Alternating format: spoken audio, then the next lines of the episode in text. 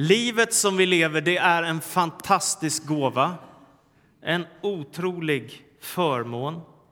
Men just därför så är det ju så viktigt med varenda en av oss vad vi fattar för beslut, vad vi ger oss på för livsinriktning, vad vi bestämmer oss för, vad vi prioriterar i vårt liv, hur vi väljer. Det kommer mängder av sådana frågor. Vad som är din dröm, vad som är ditt livsmål, vad du längtar efter och vad som fyller din vardag. Vi säger ju ofta att vi har inte tid, eller hur? Särskilt vi som är barnfamiljer, vi säger vi har inte tid. Och på ett sätt är det sant. Och på ett sätt är det inte sant. För det handlar ju lite om vad vi prioriterar och vad vi väljer. Och vi har alla lika mycket tid. Det gäller att göra viktiga val så att det som vi ägnar vår tid åt får betydelse.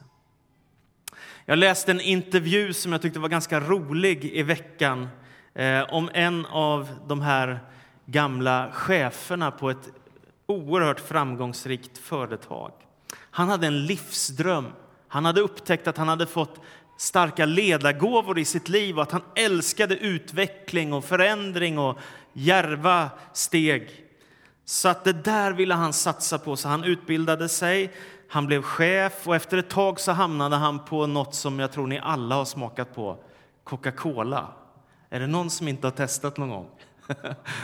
Alla, det är märkligt. Jag har varit i, långt ute i bushen i Afrika och så sett såna här stora reklamskyltar för Coca-Cola. Det är märkligt. Vilket ofattbart genombrott det har fått.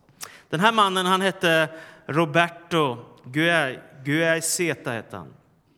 Och eh, han blev som sagt chef. Under 17 års tid så var han med och ledde detta och utvecklade detta. Och så berättade han om en kris som de gick igenom i företaget när de hamnade i ekonomisk knipa och han blev orolig. Och då frågade reporter honom när han intervjuade honom.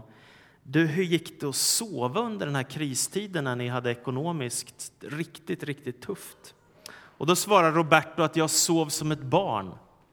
Och reporten sa, ja men det var ju fantastiskt, så du sov hela natten? Nej, nej, nej, sa han. Jag vaknade var, timme, var tredje timme och skrek som en bebis. Ungefär så, sa han. Ja, så kan det vara.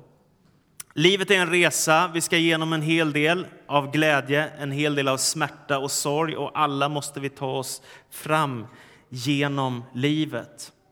Jag läste också här för en tid sedan nu en bok av en kvinna som heter Patricia Tudor Sandahl. En jättebra bok som heter Längtan visar vägen. Och hon berättar om när hon mitt i livet, bara en helt vanlig dag, sätter sig på tunnelbanan i Stockholm. Och när hon sitter på tunnelbanan från Ropsten, Lidingötrakten, på väg mot Gärdet, så händer något. Bara på den resan, mitt i livet, så kommer hon ju fram till en förvissning. Jag tror på Gud. Det bara händer henne. Mitt på den resan, en helt vanlig dag på tunnelbanan, så upptäcker hon att hon tror på Gud. Hon har fyllt 50 år, är mitt i livet och så helt plötsligt så börjar den där resan i hennes liv och så kallar hon sig för kristen idag och lever för Jesus. Och så skriver hon på ett ställe i boken så här. Jag vaknade en natt och gick upp för att dricka vatten. Då såg jag den stjärnklara himlen som var magnifik. Jag gick ut och ställde mig mitt på gräsmattan och hängav mig åt det helt underbara. Tusen och åter tusen blinkande stjärnor påminde mig om hur små vi människor är och ingenting hördes förutom vågorna från havet och min egen andning. Vem kan betrakta en sån syn och inte tro på Gud, skriver Patricia. Ja, men det är den där upptäckten man kan få göra, precis det som Melinda och Robin idag har fattat beslut om att, att faktiskt ta Gud på allvar, att, att vilja döpa sig och lämna sitt liv till Jesus Kristus. Dopet är en överlåtelsehandling. Jag ger mitt hjärta till Gud. Det är ofattbart stort och jag dras in i det här väldiga, stora perspektivet att jag har med Gud att göra. Och nu ska vi läsa tillsammans om det viktigaste som finns i Bibeln ifrån Markus evangeliets 12 kapitel och den 28 versen. Markus kapitel 12, vers 28. Markus 12 och 28. En av de skriftlärda som hörde dem diskutera märkte hur väl Jesus svarade och kom fram och frågade honom vilket är det viktigaste budet av alla. Och Jesus svarade, viktigast är detta. Hör Israel, Herren vår Gud är den enda Herren. Och du ska älska Herren din Gud av hela ditt hjärta, av hela din själ, av hela ditt förstånd och av hela din kraft. Sedan kommer detta, du ska älska din nästa som dig själv. Något större bud än dessa finns inte. Den skriftlärde sa, du har rätt mästare, det är som du säger, han är den ende och det finns ingen annan än han. Att älska honom av hela sitt hjärta, av hela sitt förstånd och hela sin kraft och älska sin nästa som sig själv, det är mer än alla brännoffer och alla offer. När Jesus hörde att mannen svarade klokt sa han, du är inte långt ifrån Guds rike. Sedan vågade ingen fråga honom mera. Israels folk, det judiska folket, hade fått en alldeles speciell kallelse. Gud hade utvalt dem och han hade slutit förbund med dem vid Sinai berg när de fick de tio budorden en gång i historien. Och det blir liksom grunden för allt det som händer sen när Israels folk växer fram och när Jesus, Messias, kommer. Och det judiska folket hade de tio budorden som var viktiga. Du ska inga andra gudar ha, du ska älska Herren, allt detta. Och sen så finns det 613 bud, vad som är viktigt. Och då är det 248 bud som säger det här ska du göra med ditt liv.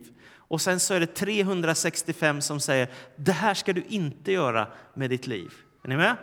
Så det är ett per dag ungefär, 365 stycken. Se upp för detta. Och då får Jesus frågan av en av de här skriftlärda, en av de som ägnar sig åt Bibeln, ordet. Vad är det viktigaste av allt, Jesus? Och han ställer den frågan för att sätta Jesus på prov. Och då svarar Jesus, hör Israel, Herren vår Gud är den enda Herren. Du ska älska Herren din Gud av hela ditt hjärta, hela din själ, hela ditt förstånd och hela din kraft. Sedan kommer detta, du ska älska din nästa som dig själv. Jag tänker det är ett sånt fantastiskt svar. Det är precis därför som jag känner jag är så glad att få vara kristen. Jag är så stolt över att få vara kristen. För att centrum i kristen tro, det är kärleken. Det är som en brännhet punkt där. Hur Gud älskar världen och hur vi är kallade att älska varandra och göra gott i vår omgivning. Det är kristendomens centrum. Det finns människor som ägnar sig åt att lära andra människor att hata. Eller hur? Det är raka motsatsen. Alltså man hatar någon för att de har en annan hudfärg. Eller man hatar någon annan för att de kommer från ett annat land. Eller man hatar någon för att eh, det är någonting som inte stämmer i värderingarna och så ska man ge sig på och, och ges, göra varandra illa. Eller ännu värre, man eh, ger sig in i krig eller stridigheter för man är beredd att döda till och med för sin övertygelse och göra andra människor illa. Och vet du vad jag tänker då? Då blir livet en vidrig soppa. Ett helvete på jorden när man förstör för andra människor och ägnar sig åt att hata istället för att älska. Är ni med?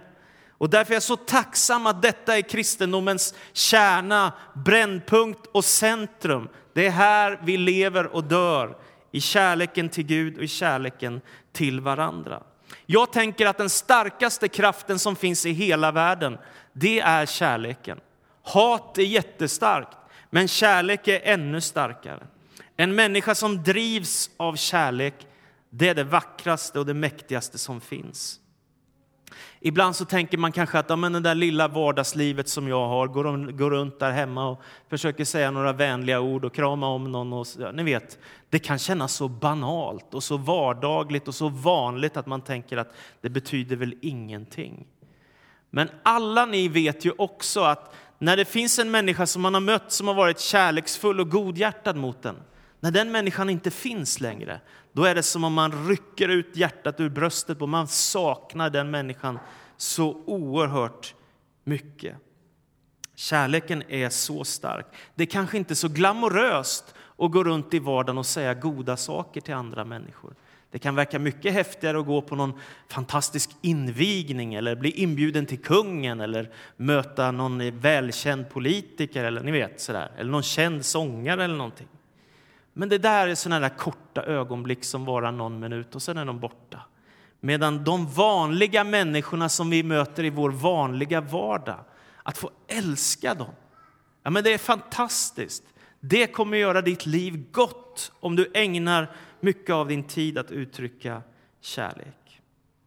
Om jag skulle fråga dig som är förälder om du skulle kunna offra ditt liv för att rädda ditt barn, om det skulle behövas, så tror jag att alla ni som är här skulle svara ja. Eller hur?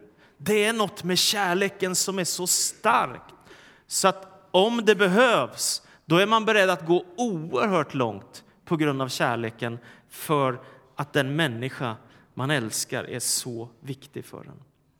Jag tycker så mycket om också att i kristen tro så är det inte så att liksom Gud och andlighet, det kan man ägna sig åt och sen spelar det ingen roll vad man gör med människor runt omkring sig.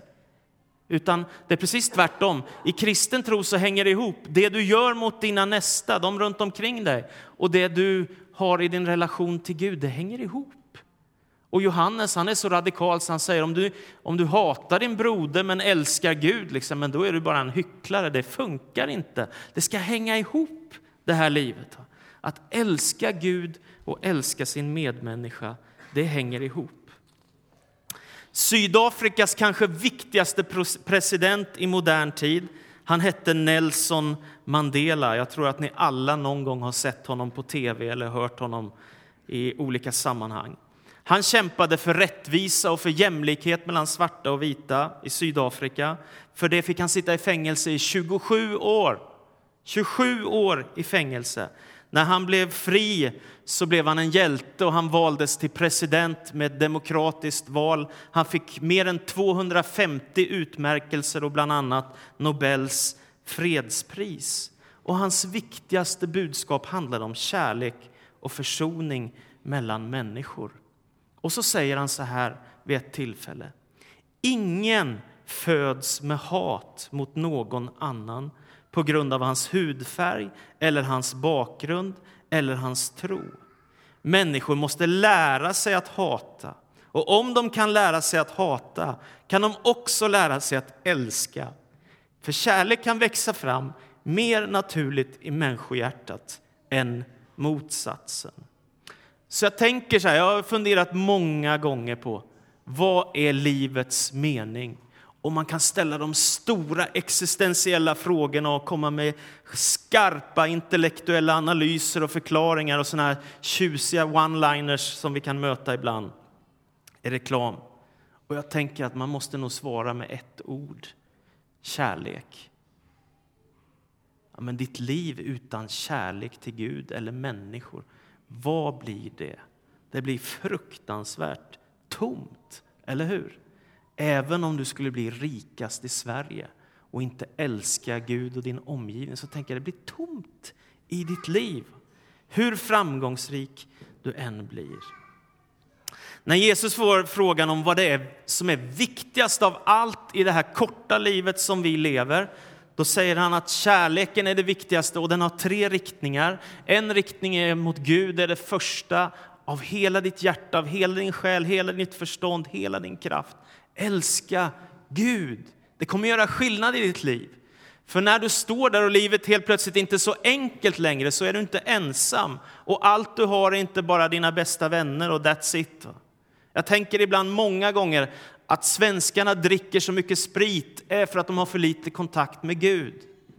Förstår ni? Alltså jag tänker det, man måste ta till flaskan, vad ska man annars göra när det krisar? Och jag tänker, tänk om lite fler människor upptäckte vad Gud kan betyda när livet är tufft. En annan riktning går mot andra människor. Att vara kärleksfull mot andra människor, vara rädd om andra människor. Det är också en väldigt viktig riktning. Och I Lukas evangeliets version av den här berättelsen om att älska Herren av hela sitt hjärta så berättar Jesus den mest kända liknelsen som finns och det är om den barmhärtige samarien. Så han fortsätter, men det finns bara där i Lukas evangeliet. Han har sagt detta så visar han, vem är min nästa? Jo, det är den som kanske inte hade mest rätt lära, men den som gjorde mest rätt. Så säger Jesus i den hyggligt provocerande liknelsen. Och det tredje, det är riktningen mot dig själv. Att du faktiskt är värd att älskas att du är värd att älska och att du faktiskt ska gå och tycka om, tycka om dig själv. Det är faktiskt ett av den kristna trons kallelser, att du ska försöka älska dig själv. Så jag börjar med Gud. När en skriftlärde får höra från Jesus att han säger att du ska älska Herren av hela ditt hjärta och att det bara finns en Herre, du är Israels Gud. Då är det som något slår an i hans liv och han utbrister, du har rätt mästare, det är som du säger. Han är den ende, och det finns ingen annan än han. Den där gillar jag. Alltså när man kommer fram till den här upptäckten, ja det finns ingen annan än du och du är mitt hopp, du är min frälsning, du är min glädje. Till dig sträcker jag mig. Du Gud är min källa där jag kan söka kraft. Och han talar om att älska Gud som den ende. Låt mig ta en illustration. Det finns en berättelse som är sann om en liten flicka som var nio år gammal. Och när hon är nio år gammal så får hon en allvarlig blodsjukdom. Och hon ligger dödssjuk på sjukhuset så att hon behöver få en blodtransfusion för att överleva. Annars är risken för hennes liv bara nio år gammal. Problemet är att hon har en sån, en sån ovanlig blodgrupp så att det är svårt att få tag på blod av den sorten. Men sen så upptäcker de ju att hennes lillebror som är sju år, han har exakt samma blodgrupp som sin syster. Så därför frågar hans föräldrar om han kunde tänka sig att ställa upp och ge lite blod till sin syster. Och han blir alldeles tyst. Han säger att han behöver fundera en stund innan han tackar ja. Och så dagen efter när han har sovit på saken så går han med på att donera lite blod till sin, lilla, eh, till sin stora syster. När allt är klart så sitter den sjuårige pojken i läkarens soffa och så säger han till läkaren, doktorn, hur lång tid tar det innan jag dör? Han har inte riktigt förstått vad han har blivit utsatt för. Han skulle bara ge lite blod, men han tänkte jag ska ge mitt liv för min syster. Och så tänker jag det är detta som är evangeliet. Att Gud älskar människor så ofattbart högt. Alltså älskade Gud världen, står det. Att han gav den sin enda son för att var och en som tror på honom inte ska gå under, utan ha evigt liv. Jag tänker Det är så fruktansvärt starkt att få leva med det hoppet. Och det är den kärleken som Gud visar den här världen genom att ge sin son till oss för vår frälsnings skull. Och Det är därför man kan säga som den skriftlärde, han är den ende. Det må hända att många andra människor vill göra andra saker med, med sitt liv. Men för mig, du är den ende. Det är inte bara Gud som är värd att älska, också din nästa, din medmänniska är värd att älska. Och tänk om alla människor på jorden tog Jesu ord på allvar. Då skulle det inte finnas krig i ett enda land på hela jorden. Så är det. Om du älskar din nästa, om du älskar dig själv, om du älskar Gud, då skulle det inte finnas krig på jorden. Tyvärr är det inte så, utan det finns mängder med konflikter. Varför är det viktigt att älska en människa? Jo, det är viktigt att älska en människa därför att hon är skapad av Gud till Guds avbild. Att vara människa är det finaste som finns på jorden. Därför att Gud har satt sitt avtryck på oss och gjort, oss lika sig själv. Så att vara människa är någonting helt annat än att vara ett djur. Att vara människa är att vara lik Gud och ha någonting nedlagt av det gudomliga i sig från Gud själv. Vi är skapade till hans avbilder. Därför är det finaste som finns, det är andra människor. Sen berättar ju Bibeln berättelsen om syndafallet också, att vi är trasiga. Att livet har gått sönder, att den här världen är brusten och att det goda och onda finns hos människor. Det är därför vi inte bara ser det goda hos människor. En av de starkaste filmer jag har sett den handlar om Oskar Schindler. Han levde i Tyskland under andra världskriget. Och under andra världskriget så fick han ju klart för sig att de kommer att skicka många judar rakt in i döden till koncentrationsläger. Och därför bestämde han sig för att han skulle försöka göra någonting för att rädda människor. Och I början så så är han liksom, han festar och har roligt i livet och låter bara tiden gå och försöker göra lite gott. Så ju längre tiden går, ju viktigare blir människorna för dem, att kunna rädda människor. Och en av slutscenerna när, när han har lyckats rädda över tusen judar till livet, så, och han ska resa därifrån och ge sig av, så strömmar tårar för kinderna. För han inser att om jag hade sålt min bil, då hade jag kunnat rädda några människor till. Om jag hade gjort mig av med min guldring, då hade jag kunnat rädda några människor till. Och då är det en av hans vänner som tröstar honom och säger, men alla de här tusen människorna lever bara för att du bestämde dig för att vara en godhjärtad människa och bry dig om människor. Så är det idag finns hans grav och kanske den starkaste scenen i hela filmen. Det är när Kindlers judar med barn och barnbarn går och lägger stenar på hans grav för att han har räddat livet på kommande generationer människor som fick livet i behåll bara för att han var godhjärtad. Fantastiskt. Jag tänker att, att bara ägna sig åt sig själv och sitt eget livsprojekt och det vi hör så ofta i Sverige, förverkliga dig själv. Det finns mycket viktigare saker att göra än så. Att hjälpa andra människor, att älska andra människor, att bry sig om sin omgivning, att vara en godhjärtad människa. Det är väldigt mycket viktigare. Till sist så är du också värd att älska. Jesus säger att du ska älska dig själv, att du ska älska din nästa och du ska älska dig själv. Det där tänker vi nog ofta inte på. Jag tror de flesta tänker okej, okay, jag ska älska Gud, jag ska älska min nästa. Ja, du ska också älska dig själv. Hur i hela världen gör man det? Jag, jag, tänker också när jag var ung, självförtroende. Oj, det går ju upp och ner och fram och tillbaka och hit och dit. Och, och är jag dålig, jag är urusel, jättebra, värdelös. Ni vet hur man får kämpa med sitt självförtroende. Så lugnar det där ner sig när man mognar lite grann som människa. Men du är värd att älska, ditt liv är viktigt. Framför allt för att du är värdefull för Gud och för att han har skapat dig till gemenskap med sig själv. Ditt liv är viktigt.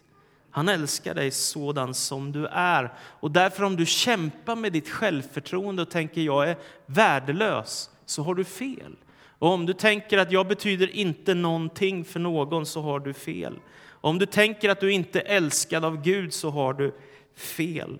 Det kan hända att du har hört andra människors röster som har mobbat dig i skolan och sagt att du är dum, du är ful, du är elak, du är värdelös.